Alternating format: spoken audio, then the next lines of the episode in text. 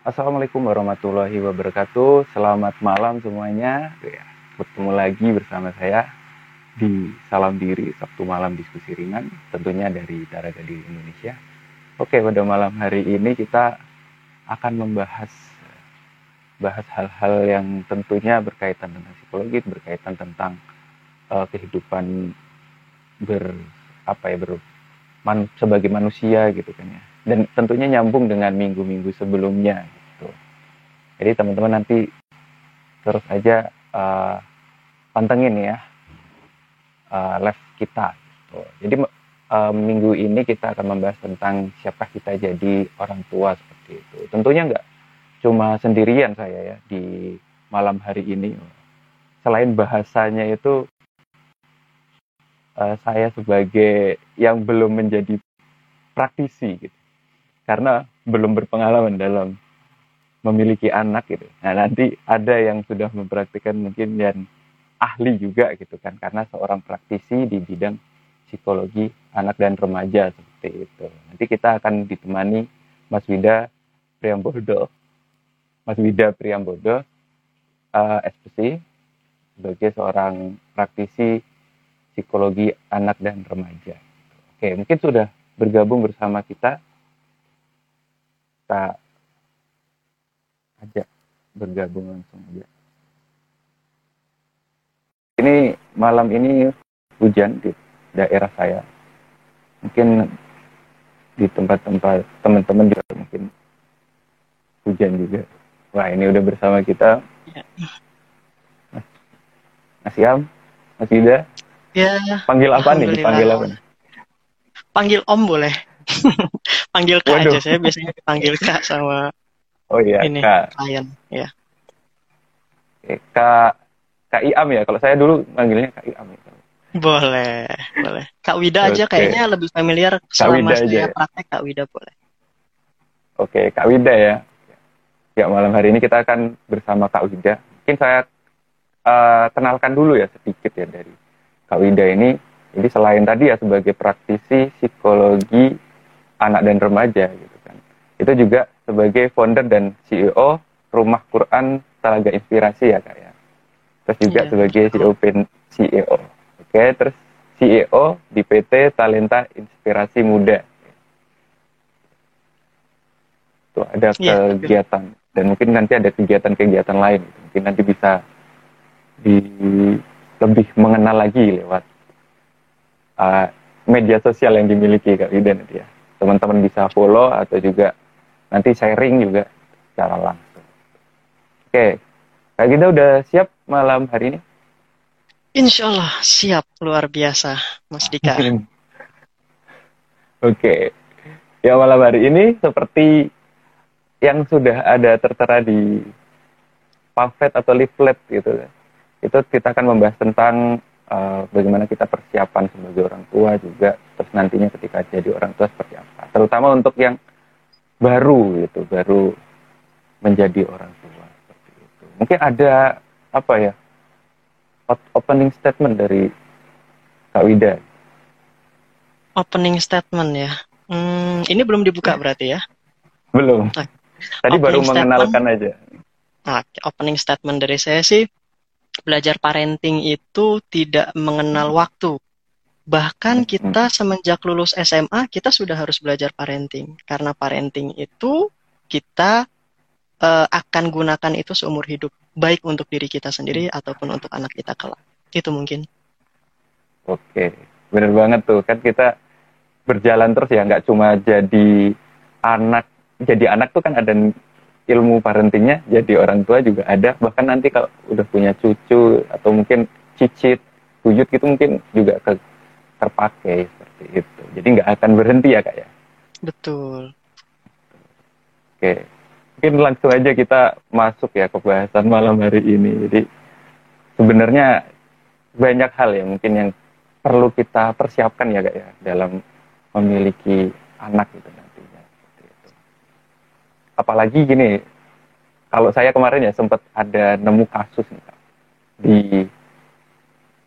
Twitter salah satunya itu yang ada salah satu yang sharing kenapa aku dila jadi ada orang ya itu cerita gitu. Kenapa saya dilahirkan hanya untuk dititipkan kepada nenek? Gitu. Dia cerita seperti itu.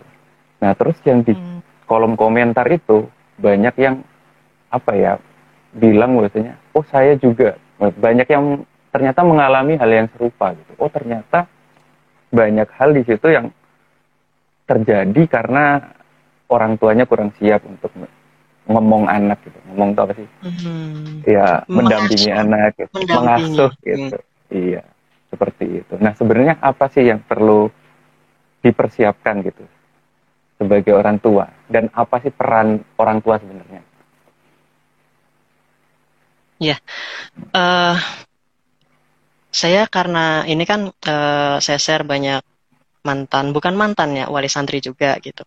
Oh iya. Saya boleh mungkin mohon izin untuk buka terlebih dahulu boleh ya, untuk menambah keberkahan oh, iya. juga, bisa? Amin. Iya, oke. Okay. Bismillah. Uh, Assalamualaikum warahmatullahi wabarakatuh. Iya. Uh, Alhamdulillah, Alhamdulillah ji. Segala puji bagi Allah, angzala sakinah yang menurunkan ketenangan fi qulubil mu'minin di dalam hati-hati kita uh, lias dadu imana imanihim dan yang menambah keimanan setelah kita beriman setelahnya seperti itu. Dan sebelum kita masuk ke pembahasan, saya sebelumnya mohon izin nih kalau misalkan nanti banyak kekurangan dalam menyampaikan Mas Dika karena sebenarnya kalau saya itu ibarat uh, debu di tengah samudra karena di sini mungkin yang hadir juga banyak pakar-pakar parenting mungkin teman-teman saya oh. gitu. Jadi saya uh, ibarat debu di tengah lautan di samudra. Jadi kalau misalkan di dalam Islam itu, kalau di Toharoh itu, debu itu pilihan kedua setelah air.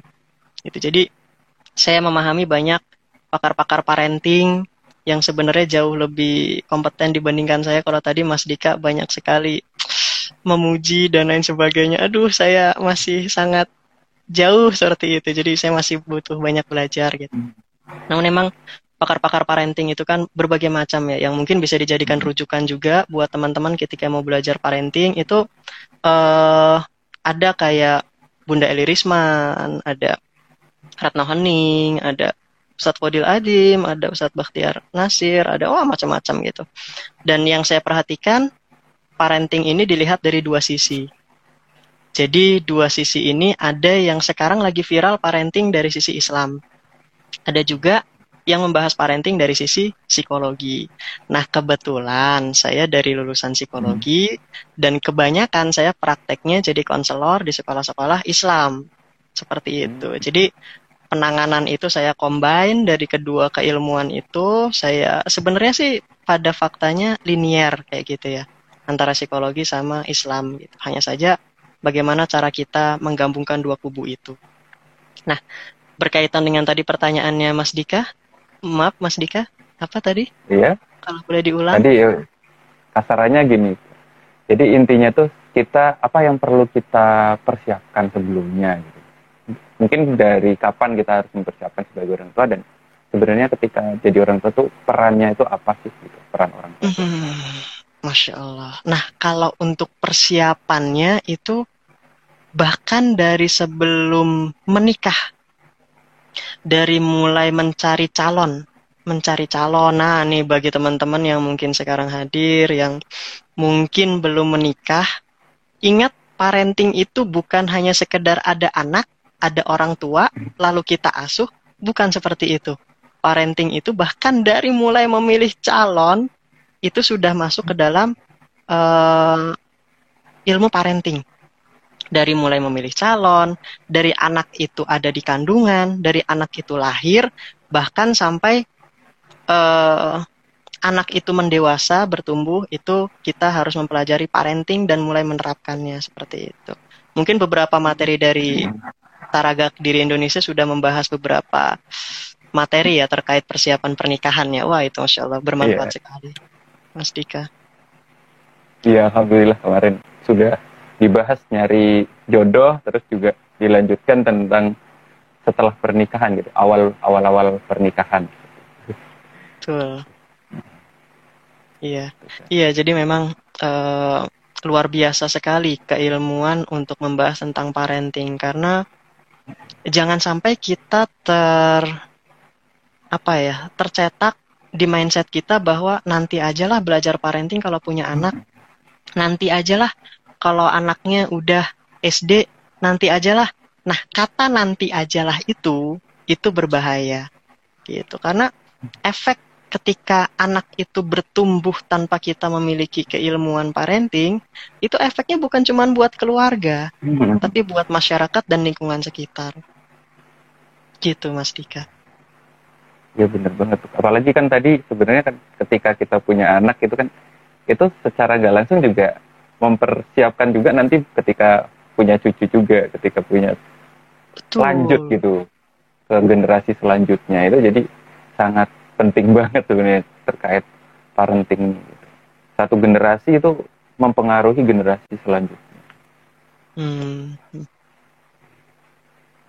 Oke. Tadi gak berarti peran dari uh, orang tua itu ya tadi ya punya peran yang besar ya dalam sebenarnya ya tadi ya menyiapkan generasi penerusnya. Iya betul. Kurang betul. lebih gitu. Mm -hmm uh, sebenarnya apa ya? Apa jenis-jenis dalam apa ya bentuk pengasuhan orang tua itu ada perbedaannya nggak sih?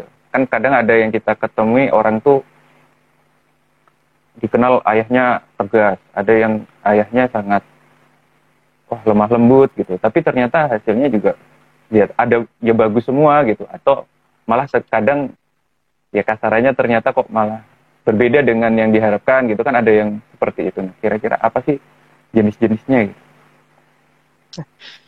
berkaitan dengan jenis-jenis sebelum kita masuk ke jenis-jenis mungkin yang harus kita mm-hmm. pahami adalah uh, ada beberapa teori di parenting itu dari sisi ini karena lagi-lagi saya sebagai konselor di sekolah Islam ya dan juga memang saya memang memperdalam di dulu psikologi Islam dan juga terkait dengan psikologi. Jadi yang harus kita pahami bahwa seorang anak itu ketika lahir dia uh, fitrahnya baik atau kosong. Kalau misalkan di dalam Islam itu ada uh, hadis sebutan eh hadisnya bunyinya kulu mauludin yuladi alal fitrah. Nah, kalau misalkan di dalam psikologi itu ada teori dari John Locke namanya tabula rasa. Seperti itu. Nah, jadi sebenarnya dua hal ini berkaitan erat bahwa anak hmm. itu pada waktu lahir pada fitrahnya sebenarnya dia baik atau kosong. Nah, yang membentuk segala sesuatu ialah orang tua. Nah, kenapa orang tua? Bukankah banyak anak-anak ketika dididik oleh orang tuanya baik, sempurna, orang tuanya mengajarkan table manner yang baik, kata-kata yang baik. Namun kenapa anak tumbuh dengan kata-kata yang wah segala macam kata-kata kotor diucapkan, entah dari kata-kata a n j i n g, entah dari kata t o l o l gitu, maaf ya. Saya pisah-pisah mungkin untuk okay. menyamarkan. Jadi kaget orang tua dan itu saya banyak banget nemuin kasus ketika konseling anak saya saya udah didik kok gitu. Saya percuma ikut-ikut kelas parenting gitu. Saya udah capek-capek didik nggak ada efeknya gitu. Nah, yang perlu kita hmm. pahami lagi-lagi adalah anak itu kosong. Anak itu fitrahnya baik. Bagaimana cara orang tua mendidik?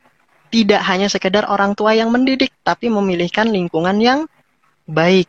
Baik. Jadi orang tua mendidik mau sampai maaf nih kalau kata anak-anak gaul zaman sekarang mau sampai berbusa, mau sampai kejang-kejang, tapi ketika dia berada di tengah lingkungan yang mungkin tidak mensupportnya, di rumah dididik baik. Ketika bermain dengan teman-temannya pulang-pulang dia bawa hadiah.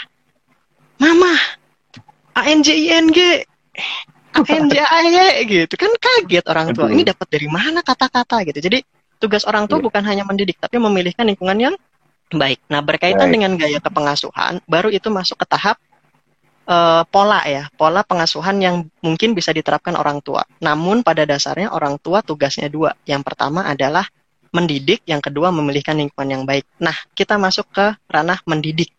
Mendidik ini tadi yang ditanyakan sama Mas Dika. Sebenarnya di akhir-akhir ini kita menemukan banyak tipe-tipe orang tua yang mendidik dengan berbagai macam uh, gaya kepengasuhan kayak gitu ya. Nah, sebenarnya uh, di psikologi sendiri itu ada hanya ada dua variasi sebenarnya. Ada warm atau control, warm and control gitu. Nah, gaya kepengasuhan itu kalau di psikologi yang saya pahami itu kurang lebih terbagi menjadi empat. Itu uh, ada namanya gaya kepengasuhan otoritatif, ada gaya kepengasuhan otoriter, ada gaya kepengasuhan uh, indulgen atau permisif, ada gaya kepengasuhan uh, permisif. Gitu, Mas Dika. Nah, uh, ini perlu dijabarkan atau? Ya perlu. Mungkin oh, ada perlu. dari kita yang belum memahami apa itu bagian-bagian tadi. Nah, oke. Okay. Uh, saya sekaligus menceritakan tentang pengalaman saya mengkonseling anak-anak ya. Tapi saya tidak sebutkan nama karena memang uh, itu kan bagian dari kode etik psikologi ya. Kita sama-sama paham lah ya ada kode etik yang tidak boleh menyebutkan identitas gitu. Saya hanya menyebutkan kasusnya sebagai sebuah pembelajaran seperti itu. Jadi saya ambil contoh dulu yang mungkin saya masih ingat itu gaya uh, pengasuhan otoriter atau uh, otoritarian seperti itu. Itu waktu saya jadi konselor di salah satu sekolah sebenarnya boarding school gitu ya. Tapi saya tidak menjelekkan boarding school sebenarnya banyak boarding school yang bagus. Tapi mungkin kodarullah kebetulan gitu karena saya jadi konselor di situ jadinya dapat kasusnya wow unik-unik sekali gitu karena memang saya juga pindah enam kali boarding school dan jadi konselor di situ permasalahannya beragam ada anak saya lagi duduk nih lagi ngetik tiba-tiba tok tok tok Assalamualaikum, Waalaikumsalam. Anak tersebut masuk. Kak, saya mau cerita.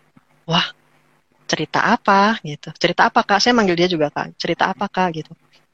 Tapi kakak janji ya jangan cerita-cerita ke orang tua gitu.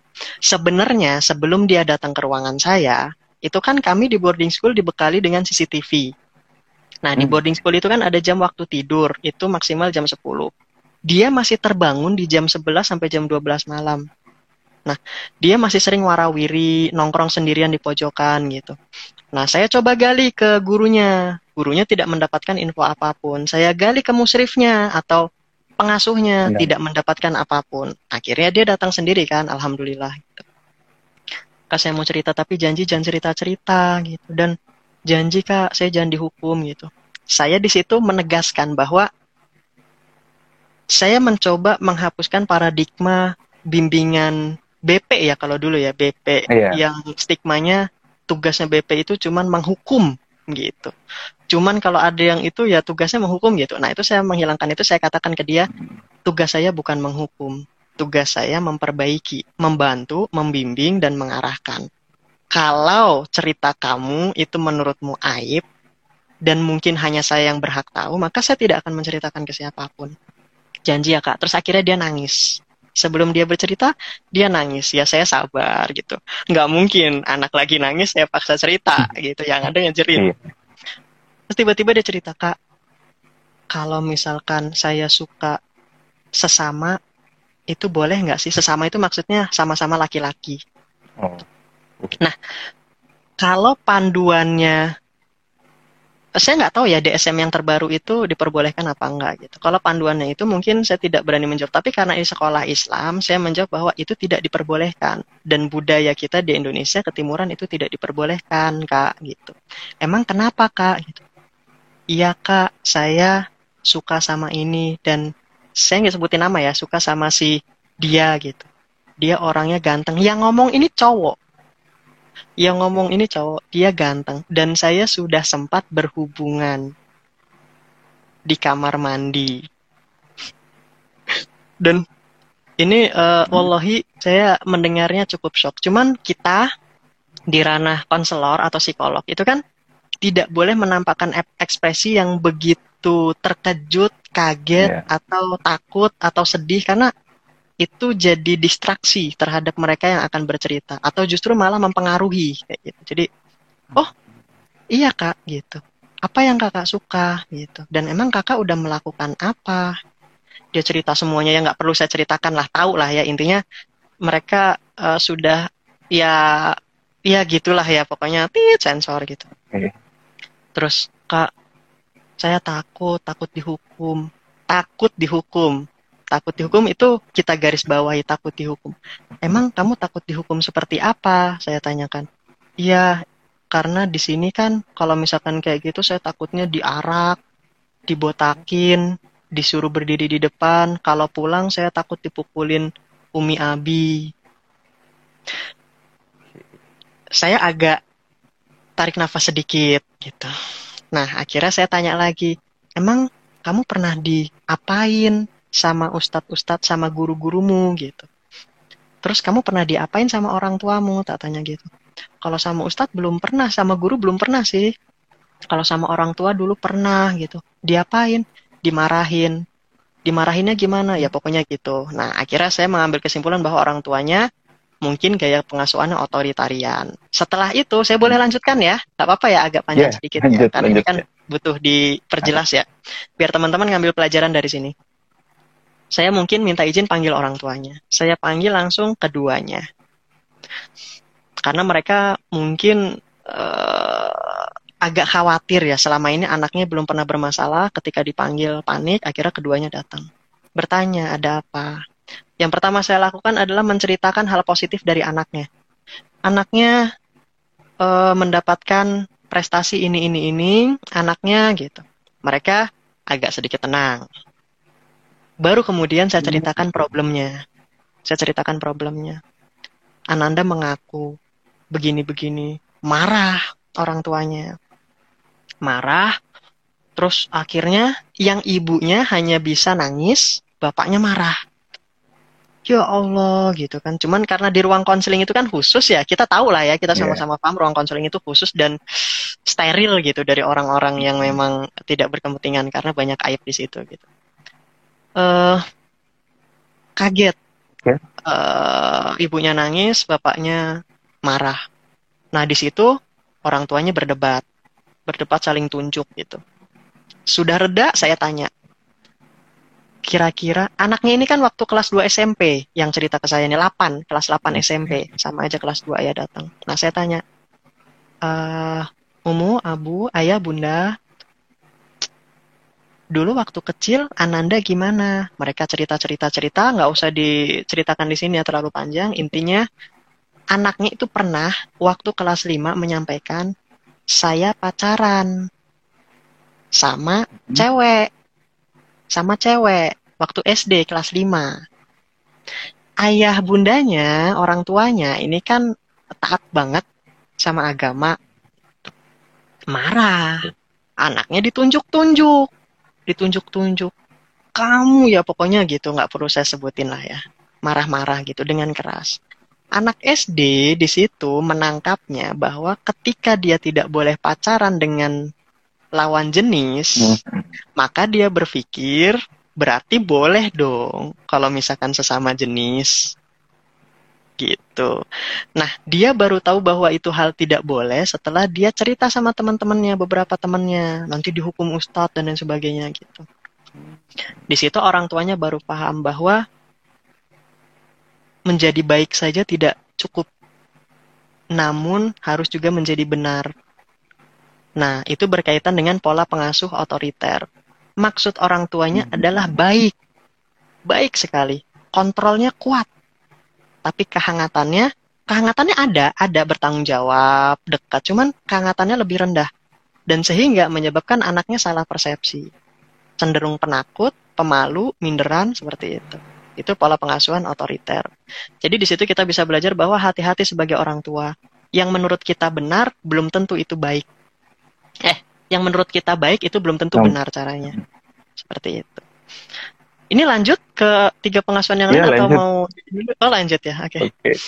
iya jadi dulu, uh, lanjut dulu ya. Nah uh, terkait hmm. untuk yang otoritatif ya. Otoritatif itu uh, warm dan kontrolnya tinggi. Nah ini seimbang. Hmm. tipe-tipe orang tua seperti ini kehangatannya pas kontrolnya juga pas. Jadi pendekatan ke anaknya bagus, controllingnya bagus, sekaligus dia uh, komunikasi dua arah, dia juga memberikan batasan-batasan dan menjelaskan batasan-batasan tersebut.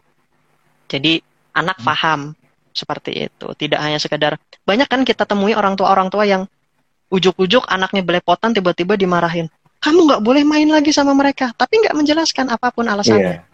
tidak dijelaskan jadi tuh kan jatuh pokoknya udah nggak boleh main bola lagi gitu tapi tanpa dijelaskan gitu tuh kan gitu jadi atau mungkin sih kalau misalkan masih kata-kata ada yang tiba-tiba tanpa alasan nyubit nyubitnya tuh di balik meja biasanya karena saya pernah jadi korban dulu jadi dicubit oh. di balik meja gitu jadi nggak nggak nggak dijelasin nggak dijelasin apa pun gitu. hmm. gitu. jadi anak juga menganggapnya ya sudah gitu nah kalau otoritatif ini seperti itu jadi kehangatannya dapat kontrolnya dapat dan penjelasannya juga dapat nah yang berikutnya itu permisif nah uh, kalau permisif ini justru kehangatannya tinggi tapi kontrolnya lepas kalau di sini kita sebut orang tua yang memanjakan anaknya, membebaskan anaknya. Pernah ya kita nemuin orang tua yang dia hangat, ngajak main, ngobrol gitu. Kan sekarang nih banyak nih tulisan-tulisan viral. Ayo dong, uh, ajak main anaknya, ayo dong berinteraksi sama anaknya. Itu nggak salah. Hmm. Cuman ketika tidak ada kontrol itu juga salah gitu. Jadi dekat, main, tapi nggak ada kontrol jadi kayak anaknya tuh dibebasin minta apa aja dibeliin minta apa aja diturutin gitu mm-hmm. mau misalkan minta e, ayah bunda aku mau nonjok dia ya iya silahkan gitu jadi jadi uh, bahkan sampai yeah, yeah, yeah. begitu dibolehkan nah terus yang terakhir uh, uninvolved ya jadi uh, ini parah sih rendahnya kontrol hmm. rendahnya warm juga. Jadi kehangatan yang nggak ada kontrol nggak ada. Biasanya karakter orang tua seperti ini karakter orang tua yang hanya fokus ke karir. Fokus ke karir gitu. Jadi udah mah nggak ada kontrol kedekatan yang nggak ada gitu. Jadi anak dilepas gitu. Tahu-tahu ketika anak sering kali saya kemarin sempat nemuin kasus anak terjerumus ke narkoba ke belum sampai narkoba sih ngelem ngelem kalau bahasanya ngelem jadi lem aibon itu ngelem jadi karena mereka takut mereka olesin di baju Nah, mereka tuh oh, okay. kayak kecanduan gitu. Jadi ketika mereka butuh oh, mereka yeah. isep. Itu ketika ditanya orang tuanya ke mana, sibuk kerja, nggak peduli sama anaknya gitu. Jadi kalau ada apa-apa ya udah dikasih uang aja udah beres kayak gitu. Jadi intinya kurang lebih itu sih oh. kak eh, Mas Dika silahkan. Sedika. Iya. Kalau itu memang mungkin dari contoh yang diberikan itu sangat me, apa ya sangat menggambarkan ya dari tipe-tipe pengasuhan tadi kalau saya sendiri pernah itu ngalamin tuh dulu waktu TK ini masalah. Kalau saya pribadi itu pernah dilarang beli jajanan gitu kan. Tapi tidak hmm. dijelasin kenapa dilarang. Oh, kalau beli dilarang nih. Akhirnya karena tidak beli, saya minta ke teman gitu. Kalau hmm. minta kan nggak kan boleh berarti gitu. Hmm. Itu nggak dijelasin ya. Itu mungkin hmm. salah satu juga contoh gitu. Hmm. Kalau tadi juga yeah. ada contoh yang apa ya dikasih gitu kan dikasih berbagai macam barang gitu kan memang tapi semua apa ya kayak kedekatannya kurang kontrolnya kurang itu juga hmm. saya sempat temui dan bahkan itu hampir ini nih saya pernah temui di suatu daerah di Indonesia dan itu hampir satu desa seperti itu gitu jadi mayoritas orang tuanya punya uh, cara apa ya cara mendampingi anaknya seperti itu gitu jadi dikasih motor, dikasih HP, dikasih segalanya. Kalau motornya hilang gitu, itu nanti dikasih lagi gitu. Jadi tidak peduli nanti gitu. Yang penting anggapannya adalah anak senang gitu. Tapi ternyata kan enggak gitu. Ternyata ketika ada teman saya yang mendekati apa ya perhatian secara apa ya mungkin ada physical talk gitu kayak uh, kan kayak perempuan sama perempuan gitu. Contoh uh, mendampingi gitu secara apa ya kasih sayang gitu. Terus dia kok ya, nempel banget saya oh ternyata itu sebenarnya salah satu yang mungkin dibutuhkan anak tapi mungkin tidak didapat oleh orang tua yeah. gitu. Dan itu memang sampai perpisahan pun itu untuk uh, waktu itu pengabdian gitu. Terus berpisah ternyata akhirnya itu nggak oh, mau sedih. pisah sampai nangis sekali gitu. sedih sekali iya. Seperti itu sih salah satu mungkin contoh. Dan bahkan itu kok bisa ya Mas ya mungkin saya agak tanya gitu. Bisa jadi pola asuh tuh bisa satu wilayah tertentu itu bisa sama semua itu kenapa ya? Kalau kayak gitu. Pola asuh bisa sama semua mungkin gini uh, kita kan pernah mendengar pasti ya pernah mendengar generasi-generasi ya generasi-generasi ah, iya. uh, Mas Dika pasti juga uh, baca-baca lah ya. Jadi ada namanya yeah. generasi baby boomer, generasi uh, ah, yeah. milenial, yeah. generasi Z, yeah. generasi Alpha X gitu ya. Kenapa bisa seperti itu semua? Karena memang zaman dulu tidak adanya pembahasan-pembahasan lebih intensif mengenai hal seperti ini. Hmm. Sehingga mereka mengasuh hanya berdasarkan turunan ke keturunan. Nah, sekarang kan banyak tuh orang-orang yang bilang pasti kita semua nih yang nyimak juga nih teman-teman pasti banyak banget yang yeah. bilang gini. Kok beda sih hasil dari uh, pendidikan yang banyak banget ngikutin ilmu-ilmu parenting sama pendidikan anak-anak zaman dulu. Kalau anak-anak zaman dulu tuh kayaknya kuat-kuat, strong-strong, kayak tahan banting dan sebagainya. Kok sekarang kok kayak anaknya lemah-lemah banget ya menye-menye dikit-dikit hilang, healing, hilang, healing gitu kan. Kalau misalkan kita sering-sering lihat gitu. Sebenarnya bukan salah di ilmu parentingnya. Salah dalam memahami dan menerapkannya. Karena sebenarnya gini, ketika zaman dulu sudah ada Twitter, sudah ada Instagram, sudah ada HP-HP smartphone, saya yakin dulu itu bakal jauh lebih parah dari yang sekarang.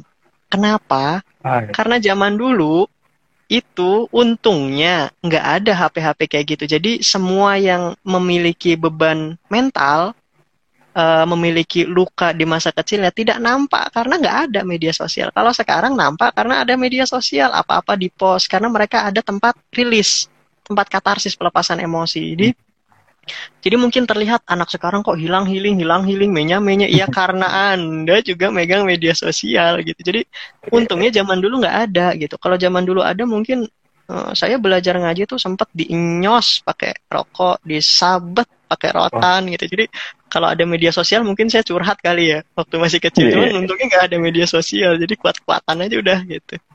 Itu sih kurang lebih. Nah sedikit tadi menambahkan hmm. yang Mas Dika yang yang tadi mungkin yang tadi berkaitan ya teman-teman calon orang tua. Satu pesan dari saya, ketika anak-anak kita tidak dekat dengan orang tuanya, tidak dekat dengan kita, maka dia pasti akan dekat dengan orang lain. Orang, orang lain. lain itu ada dua kemungkinan membawa kebaikan, kebermanfaatan, atau membawa keburukan atau kemudorotan. Dan kebanyakan anak-anak ketika tidak dekat dengan orang tuanya, maka dekat dengan orang-orang yang membawa keburukan. Dan ketika mereka sudah terkontaminasi terhadap keburukan tersebut, maka efeknya bukan hanya ke orang tua. Efeknya, contoh kalau di Jogja jadi kelitih, gangster, contohnya jadi begal, contohnya jadi doyan mencuri, merampok, ya macam-macam, narkoba. Maka hati-hati uh, ya, dekati anak-anak kita, berikan peraturan dan jelaskan, gitu Mas Dika. Hmm. Nah ini nih terkait peraturan mungkin ya. Sebenarnya cara kita itu untuk menyusun peraturan tersebut itu seperti apa sih? Karena kan tadi ya kalau kita kenali tadi ya mungkin yang dari contoh-contoh itu kan anak-anak namanya nggak cuma anak-anak ya orang tua pun itu juga sebenarnya variatif gitu kan bervariasi hmm. gitu nah kira-kira cara agar kita itu bisa menyesuaikan aturan dalam rumah itu seperti apa. Oke. Cara menerapkan aturan ya menyesuaikan aturan ya. Sebenarnya sebelum kita masuk ke aturan itu ada beberapa hal yang pengen saya bahas. Pembahasan hmm. ini mengenai perbedaan antara tegas dan keras. Gitu. Sebelum nanti kita bahas tentang uh, peraturan. Banyak orang tua yang ketika mengikuti kelas parenting tidak memahami perbedaan. Dia banyak ngikutin kelas parenting, tapi dia tidak memahami perbedaan antara tegas dan keras. Sehingga ketika peraturan itu diterapkan, yang dia lakukan cenderung keras, bukan tegas. Beda ya. Kalau tegas, itu kita tidak perlu melakukan kekerasan. Kalau keras, itu cenderung melupakan ketegasan. Contoh, Nah, ini berkaitan dengan pertanyaan Mas Dika tadi. Bagaimana cara menerapkan aturan? Aturan yang baik adalah aturan yang disepakati. Aturan yang dihasilkan dengan cara musyawarah dan penjelasan mengapa adanya aturan tersebut. Jangan sampai kita bikin aturan-aturan tanpa kesepakatan. Dan banyak juga uh, keluhan orang tua ke saya datang atau chat, Kak, saya udah nerapin ini itu. saya udah musyawarah sama anak saya, kita udah menyepakati, tapi kenapa dia tetap melanggar? Saya hanya mengatakan gini, Bu, Bunda, Umu, Abu gitu, karena sekolah Islam ya. Anak itu bukan robot yang sekali pencet langsung ngikut. Anak itu punya otaknya sendiri, punya perasaannya sendiri. Jangankan anak deh, kita. Kita dibikin aturan sama Islam misalkan, sama aturannya Allah nih yang udah baik banget nih gitu bikin aturan. Kita masih ngelanggar apa enggak? Masih ngelanggar, padahal padahal nah. aturannya jelas-jelas baik loh, gitu. Kenapa kita masih melanggar? Ya karena kita punya akal dan punya nafsu, punya perasaan. Nah, tugas kita adalah kembali ke aturan tersebut dan tugas teman-teman kita adalah mengingatkan. Begitu juga dengan orang tua terhadap anaknya. Ketika anak tersebut lalai terhadap peraturannya, ingatkan lagi. Nah, cara mengingatkannya berkaitan dengan yang tadi, tegas dan keras. Peraturan dapat diterapkan hanya dengan cara ketegasan, dan itu akan membekas selamanya. Bagaimana dengan kekerasan? Bukankah banyak tuh di sekolah-sekolah ketika anak merokok atau melakukan kesalahan, kita hukum pukul, kita hukum push up, lalu mereka jerak? Ya, memang jerak. Jerak saat itu. Tapi kita tidak bisa melihat di ke depannya apakah itu akan berefek dan saya saya perhatikan uh, banyak siswa saya, santri saya, mereka ketika di pesantren taat sekali sholat duha, taat sekali sholat malam, hmm. taat sekali puasa Senin Kamis. Apa yang terjadi ketika mereka keluar dari pesantren? Ketika mereka keluar dari sekolah yang mengajarkan kebaikan, hilang semua. Hafalan Qurannya hilang, semuanya hilang karena apa? karena mungkin mereka lebih ingat tentang kekerasannya itu. Mereka tertekan untuk melakukan itu, bukan dengan kecintaannya. Beda ya. Kalau misalkan saya lagi-lagi mengambil contoh dari zaman ini, maaf ya kalau saya agak cenderung ke ke agak keislaman gitu ya. Karena memang kan yeah. basicnya saya juga lulusan Ahmad Dahlan gitu. Saya kan masih mengingat alma mater ya. Jadi uh, uh, tadi sampai mana ya? Jadi kekerasan itu tidak merubah apa pun Bahkan Allah sendiri maha lembut dan mencintai kelembutan. Gitu. Jadi kekerasan itu merubah sesuatu, benar merubah, tapi efeknya tidak akan panjang. Contoh deh, banyak sahabat-sahabat Nabi yang dia berkorban berjalan berpuluh-puluh mil, berpuluh-puluh kilo kalau sekarang, sampai kakinya robek, bahkan dia ikut ilmu, pengen ikut kajian ilmu, ada pagar, pagernya, pembatasnya kecil-kecil tuh celahnya, karena dia ingin masuk untuk menuntut ilmu, dia rela nyempil-nyempil sampai kulit punggungnya robek. Itu ada. Itu ada sahabat Nabi sampai kulitnya robek dan dia nggak dia nuntut ilmu, duduk. Jadi apakah dia dipaksa? Tidak. Apakah dia disuruh? Tidak sama sekali. Apakah dia diancam dengan pukulan? Tidak. Lalu apa yang membuatnya seperti itu? Cinta kelembutan, contoh. Nah, inilah yang harus dimiliki orang tua. Jadi, orang tua jangan hanya fokus pada kekerasan, tapi gunakan ketegasan dan kelembutan. Begitu pula yang diajarkan oleh Rasulullah dan saya yakin para ilmuwan psikologi juga lebih orientasinya kepada kelembutan. Saya belum pernah nemu salah satu ilmuwan psikologi mulai dari Sigmund Freud, John Locke, Pavlov, Skinner, nggak pernah mereka mengajarkan kerasin anakmu, maka anakmu akan jadi yeah. baik. Nggak pernah ada. Nggak pernah ada sampai sekarang, saya nggak pernah temuin. Gitu mungkin Mas Dika. Bener banget nih. Ini berarti ya, tadi ya sebenarnya kasarannya ya membangun, kalau saya ya nangkepnya ya, kita membangun keluarga itu ya dengan perlu cerdas gitu ya, perlu pintar mengolahnya gitu terkait aturan tadi. Berarti nggak harus, oh jangan malah menghindarilah fisik gitu karena Tuh. tadi ya dengan kecerdasan itu gak bukan keras tapi tegas seperti itu Betul. jadi bisa mengarahkan gitu bahkan yang kemarin ya kayak kan sempat ada yang ribut soal apa apa kekerasan rumah tangga dan sebagainya berarti mungkin secara mungkin belum nyampe untuk bisa tegas sebenarnya ya akhirnya dia yeah. hanya mampu untuk keras gitu hmm. Gitu saya ya. teringat saya pernah praktekkan gini Mas Dika. Saya pernah satu event itu ada namanya leadership camp di salah satu sekolah yang di Bogor, daerah Bogor. Leadership camp diadakan di Cibodas, di kaki gunung uh, gede. Pada saat itu anak-anak tidak terkendali karena menjelang sore hari dan setelah outbound sampah itu berserakan MC mengatakan ambil sampahnya, minta tolong buang di tempat sampah yang sudah disediakan plastik, minta tolong berkali-kali, berkali-kali. Saya ngelihat kan agak gimana ya, agak pengen peduli sama kasihan juga gitu. Maksudnya takutnya suaranya habis, besok masih ada acara gitu. Hmm. Boleh saya pinjem mic-nya? Saya coba praktekkan. Ini Allahi, saya praktekkan langsung uh, kepada santri saya pribadi dan kami panitia guru-guru mengucapkan terima kasih sebesar-besarnya kepada para santri yang sudah membuang sampah pada tempatnya. Itu tandanya kalian peduli dengan kebersihan. Dengan kalian peduli kebersihan, kalian peduli dengan keindahan dan semoga itu jadi amal ibadah kepada santri-santri yang sudah membuang sampahnya. Saya perhatikan dari sini. Terima kasih, kalian keren. Uh, semoga usaha kalian untuk merawat bumi itu menjadi uh, amal ibadah dan menjadi nilai yang akan kalian uh, tanamkan terus hingga dewasa baikan bagi yang lain. Mulai tuh buang sampah satu, buang sampah lagi di tempatnya. Jadi gitu ngambilin yang tadinya mau mandi udah bawa anduk, itu jadi dia kayak jadi kayak tukang pulung sampah gitu loh, keliling ngambilin sampah dibuang. Gitu. Jadi di situ kita lihat hmm. mana yang lebih efektif gitu. Jadi bukankah kelembutan itu bisa menyelesaikan semua hal? Begitu sih kalau yang saya lihat Mas Dika.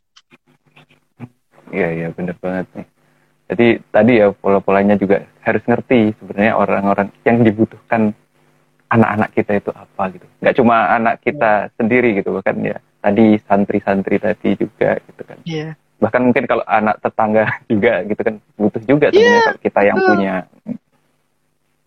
Gitu. Ini ada pertanyaan kak Hmm. Bagaimana cara berbicara dengan anak yang tidak terkendali jika anak itu sudah remaja atau usianya saat 15 sampai 17 tahun.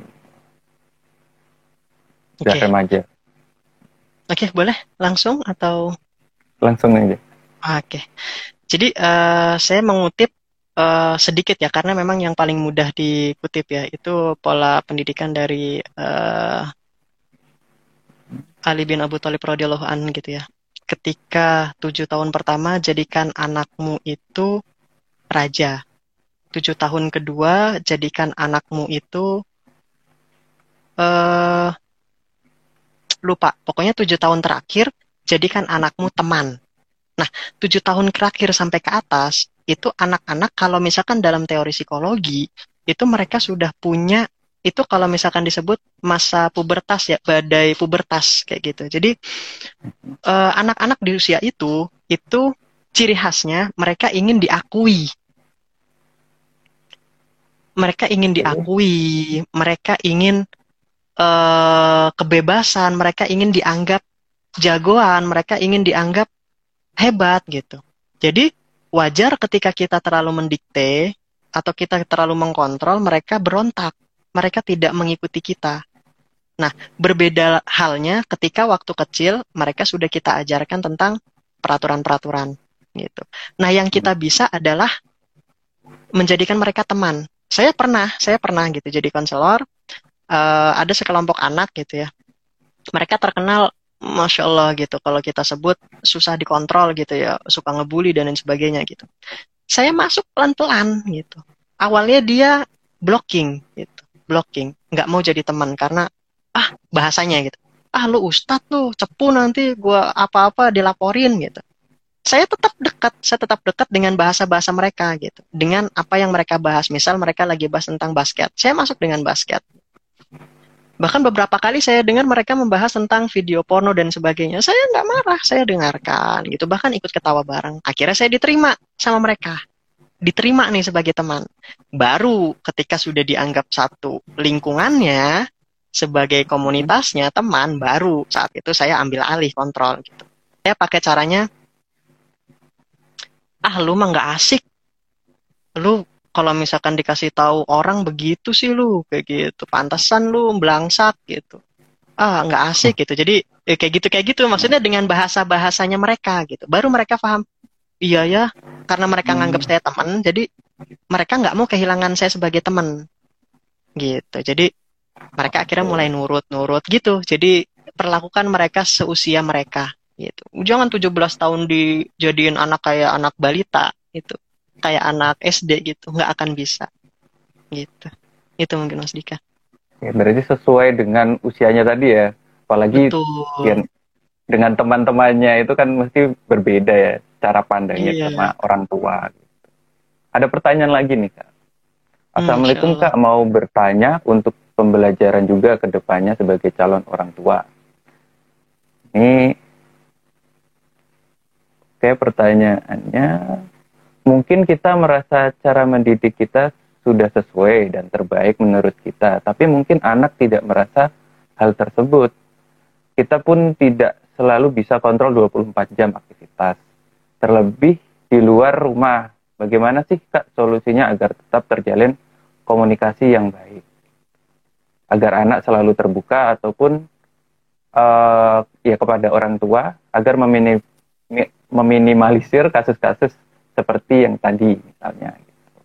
Mungkin okay. tadi sekalian juga ini ada pertanyaan okay, juga untuk orang tua yang dua-duanya fokus berkarir, bagaimana tips and trick agar tetap bisa dekat dengan anak. Jadi intinya tadi ada orang tua yang kan nggak bisa 24 jam gitu, biar bisa ngontrol uh, biar di, eh, apa anak tuh bisa dikontrol oleh orang tua. Gitu. Tadi juga yang satu pertanyaannya itu juga gimana tip tip tip eh trik yang orang tuanya dua-duanya bekerja tadi dari Ahmad Sobari dan uh, Anissa Aulia itu kak Oke, uh, saya sambil baca lagi ya, maaf. Uh, Oke, okay. merasa mendidik baik ya menurut kita. Nah, merasa itu kan uh, feel ya, apa yang kita rasakan itu belum tentu sama dengan apa yang orang lain rasakan nih. Misalkan saya dari tadi ngisi materi ini mungkin berdasarkan kasus-kasus yang saya alami. Jadi dulu waktu saya belum nikah, belum punya anak ditanya, "Ah, pakar parenting apa? Nikah aja belum, belum punya anak gitu." Iya, hmm. memang saya belum punya anak, tapi saya jadi konselor, klien saya udah ribuan gitu. Jadi saya justru ketika belum punya anak, saya belajar dari anak orang lain gitu, kasusnya apa.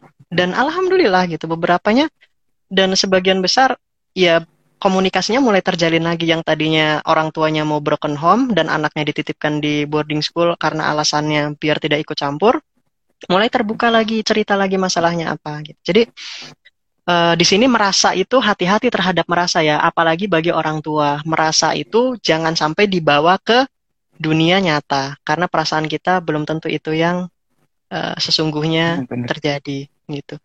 Nah, terus yang kita nggak bisa kontrol, nah itu yang tadi di awal mungkin di pembukaan saya sampaikan ya. Tugas sebagai orang tua itu bukan hanya mendidik dan membimbing, tapi tugas orang tua adalah memilihkan lingkungan yang baik. Kalau dalam bahasa Islamnya biah gitu. Jadi jangan sampai kita merasa bahwa kita sudah mendidik dengan baik, lantas kita lepas tangan dan tidak memilihkan lingkungan. Yang tadi yang saya sampaikan. Jadi kita mendidik nih baik nih, mendidik baik, anaknya main di lingkungan itu pulang-pulang bawa oleh-oleh. Ah, ayah, bunda, umi, abi, uh, ANJING atau ngomong kotor lainnya kayak gitu. Jadi, lah, ini saya udah ngedidik baik, tapi kok pulang-pulang anak saya begini. Itulah tugas orang tua, mencarikan lingkungan yang baik. Nah, bagaimana ketika orang tua tidak mampu menjaga 24 jam? Tugas orang tua lagi-lagi mencarikan lingkungan yang baik. Insya Allah, ketika lingkungannya sudah baik, anak akan terbawa baik, orang tua pun akan menjadi baik. Jadi saling membaikan antara orang tua dan lingkungan. Gitu kurang lebih. Ada lagi Mas Dika tadi pertanyaannya? Atau... Ada pertanyaan. Kalau tadi hmm? uh, kurang lebih sama. Jadi kalau seandainya tidak bisa kontrol 24 jam atau orang tua yang dua-duanya bekerja gitu. Jadi sibuk hmm. itu kira-kira tipsnya apa gitu biar bisa mengatur gitu. Ya. Jadi uh, kalau yang saya lihat ya, uh, mohon maaf sebelumnya, banyak pakar parenting mengatakan korbankan pekerjaanmu, didik anakmu. Cuman kalau saya melihat ya, karena saya kan masih masuknya generasi milenial ya gitu. Kalau saya melihatnya, korbankan pekerjaan, bagaimana cara kita memberi makan anak? Meskipun di dalam pepatah bahasa Arab ada kata-kata Kaifa akhafu minal fakar wa anna abdul ghani. Bagaimana kita takut akan kemiskinan sementara kita hamba dari yang maha kaya. Cuman kan hamba dari yang maha kaya juga harus ikhtiar cari uang untuk menafkahi gitu. Kalau misalkan ikhtiar nafkahnya dari suami nggak cukup, ya istri boleh kok bantu gitu. Jadi tidak selalu uh, orang lain itu memahami kondisi kita. Nah, tips triknya tadi kembali lagi ketika tidak bisa maka carikan lingkungan. Carikan sekolah yang fokus pada pembinaan parenting karena kebanyakan sekolah sekarang fokusnya orientasinya pada nilai. Nilai, nilai, nilai sehingga mereka tidak memperhatikan karakter, kepengasuhan dan lain sebagainya. Cari sekolah-sekolah yang memang konsen pada pengasuhan, parenting, psikologi anak sehingga ketika kita tinggal kerja anak itu aman dengan kepengasuhan hmm. wakil kita. Tapi jangan dilepas gitu juga karena tanggung jawab ya, sepenuhnya anak tetap di orang tua gitu mungkin Mas Dika. Oke. Ya benar banget nih terkait apa anak ini kan tadi ya bisa lingkungannya diatur dan sebagainya seperti itu. Tapi juga perihal sekolah, perihal pendidikan tuh juga orang tua penting banget buat apa ya kasarannya riset lah apa sekolahnya tuh baik atau enggak. Kadang ini juga tadi kalau bahas-bahas terkait boarding school atau pondok gitu saya tuh dulu sering dengar kok kalau anak nakal masukin pondok gitu kan ya. Nah, itu juga kan sesuatu dinamika yeah. ataupun stigma yang buruk gitu ya. Malahan jadinya. Kesannya instan masukin pondok bersih gitu apa apa kayak dicelupin iya, neraka yeah, gitu kan. Gitu. Iya. padahal sharing tuh anak-anak nakal jadi sharing jadinya ini caranya gini nih gitu dapat cara baru gitu. Iya. Gitu. Iya betul. Oke kak ini ada pertanyaan lagi ternyata. Banyak nih malam hari ini. Hmm, oke ada pertanyaan dari maaf nih ketik DV 237 apakah menjadi teman untuk anak-anak usia SMP juga langkah yang tepat untuk mengatasi mereka yang sudah terlanjur mendapat parenting yang kurang tepat, Kak? Menjadi teman untuk anak-anak usia SMP.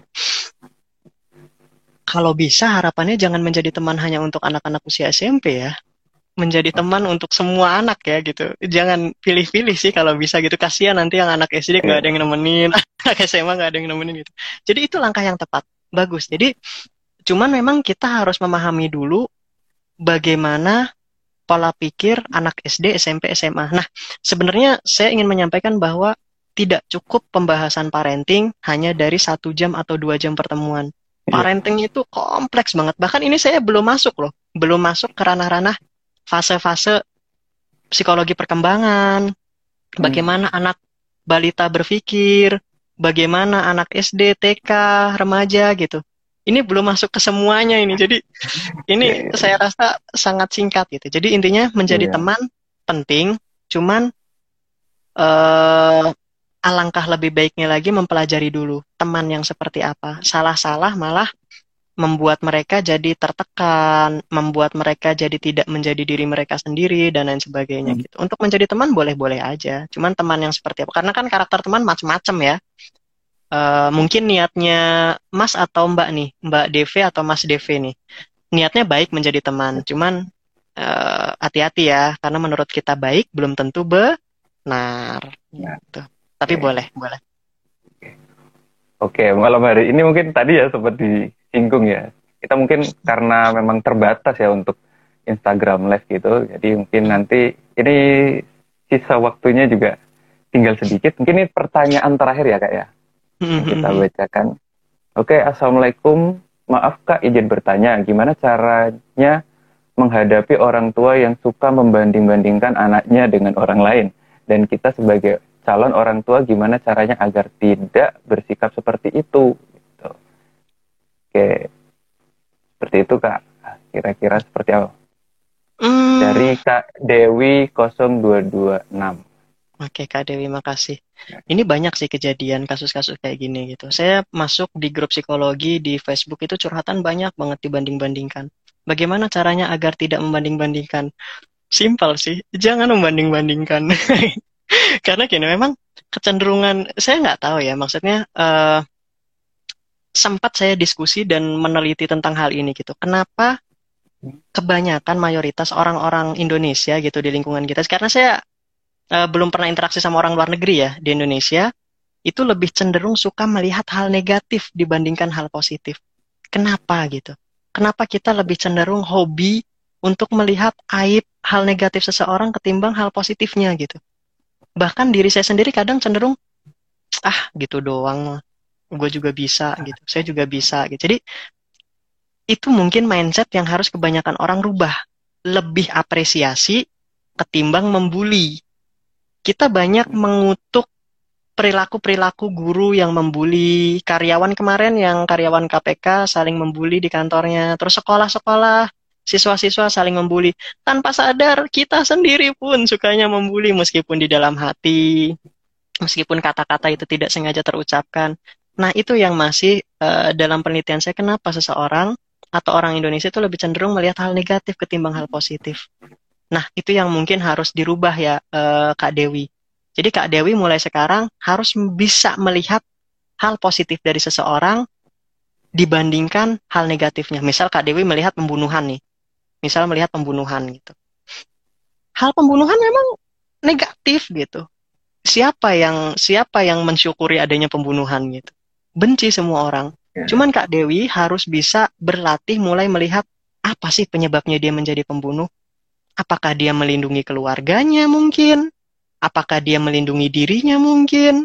Apakah ada hal-hal lain mungkin dia dendam atau apa? Nah, dendamnya karena apa? Gitu. Karena kita nggak nggak pernah tahu apa alasan dibalik orang melakukan hal negatif. Jadi gitu ya Kak Dewi, untuk berhenti membanding-bandingkan, coba selalu mulai sekarang belajar melihat hal positif dari seseorang, apresiasi hal positif tersebut. Gitu mungkin. Iya nih. Sama-sama ya tadi ya. Maksudnya mungkin juga bagaimana kita bersikap kepada orang tua kasarannya udah terlanjur gitu kan tadi ya hmm, mungkin oh. tidaknya uh, oke okay. tadi kalau, kalau dari terkait dengan hmm? Hmm? hmm? Ya, ya kalau terkait dengan orang tua sih uh, saya juga dulu mendapatkan pola asuh yang otoriter saya pernah kaki saya sebelah kanan diangkat di atas sumur karena saya pulang kemalaman saya pernah dikunci di kamar mandi gitu lantas saya mencoba untuk berpikir lama memang. Ketika saya kuliah baru saya berpikir ada sebab baik mereka melakukan itu. Karena kalau niat mereka cuma iseng atau ngebully saya, atau niat mereka jahat sama saya, saya nggak diangkat tuh kaki kanan di atas sumur, dicemplungin saya mungkin.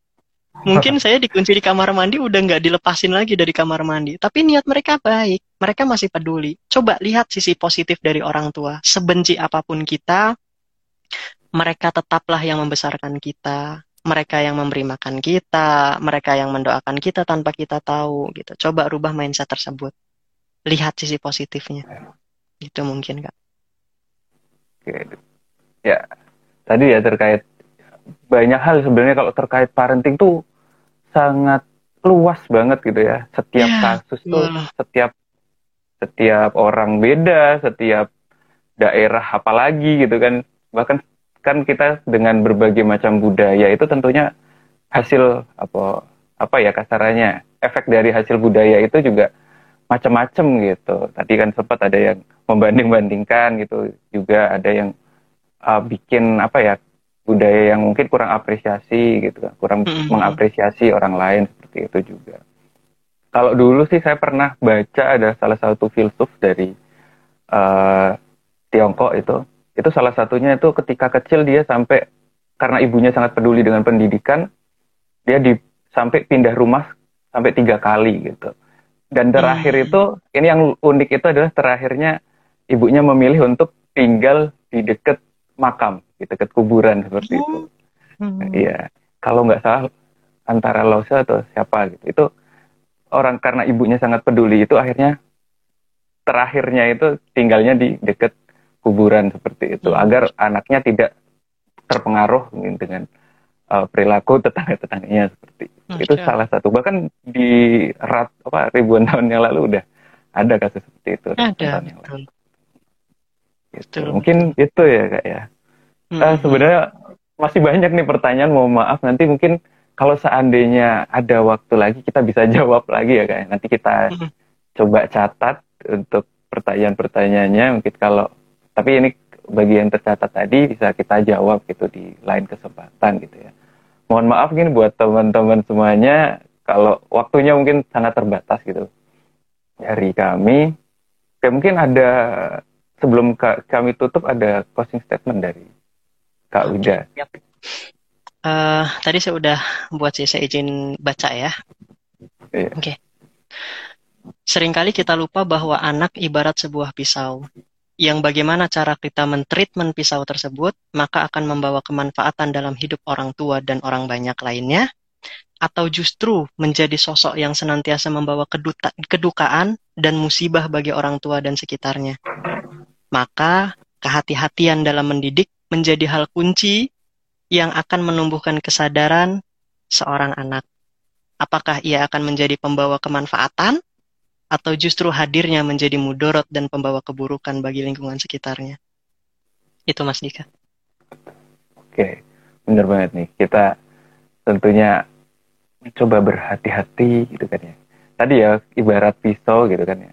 Ya kadang bisa bahkan melukai diri sendiri ya kalau kita Betul. salah gitu ya. Bahkan beberapa kan kasus terbaru bahkan ada yang anak tega menjarakan orang tuanya, ada yang uh, ya kenakalan yang mungkin dulu tidak kita dengar tapi terbarunya muncul gitu kan di mm-hmm. media sosial ataupun di uh, televisi seperti itu. Oke, terima kasih Kak Wida atas waktunya malam hari ini. Oke.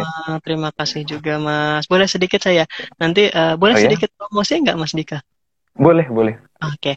bagi ayah bunda atau muabu yang mungkin nanti ingin, terutama yang bergerak di bidang pendidikan ya sekolah, guru atau orang tua gitu, yang mau latihan jadi konselor, karena konselor itu bukan hanya tugasnya psikolog, bukan hanya tugasnya psikiater, bukan hanya tugas orang lulusan BK, bukan.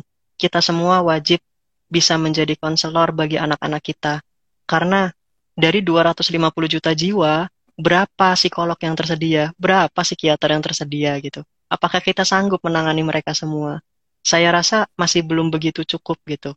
Karena konselor yang paling dekat, konselor yang paling siap untuk mencegah kerusakan, mencegah dampak yang lebih buruk adalah orang tua maupun pendidik di mana pun itu berada.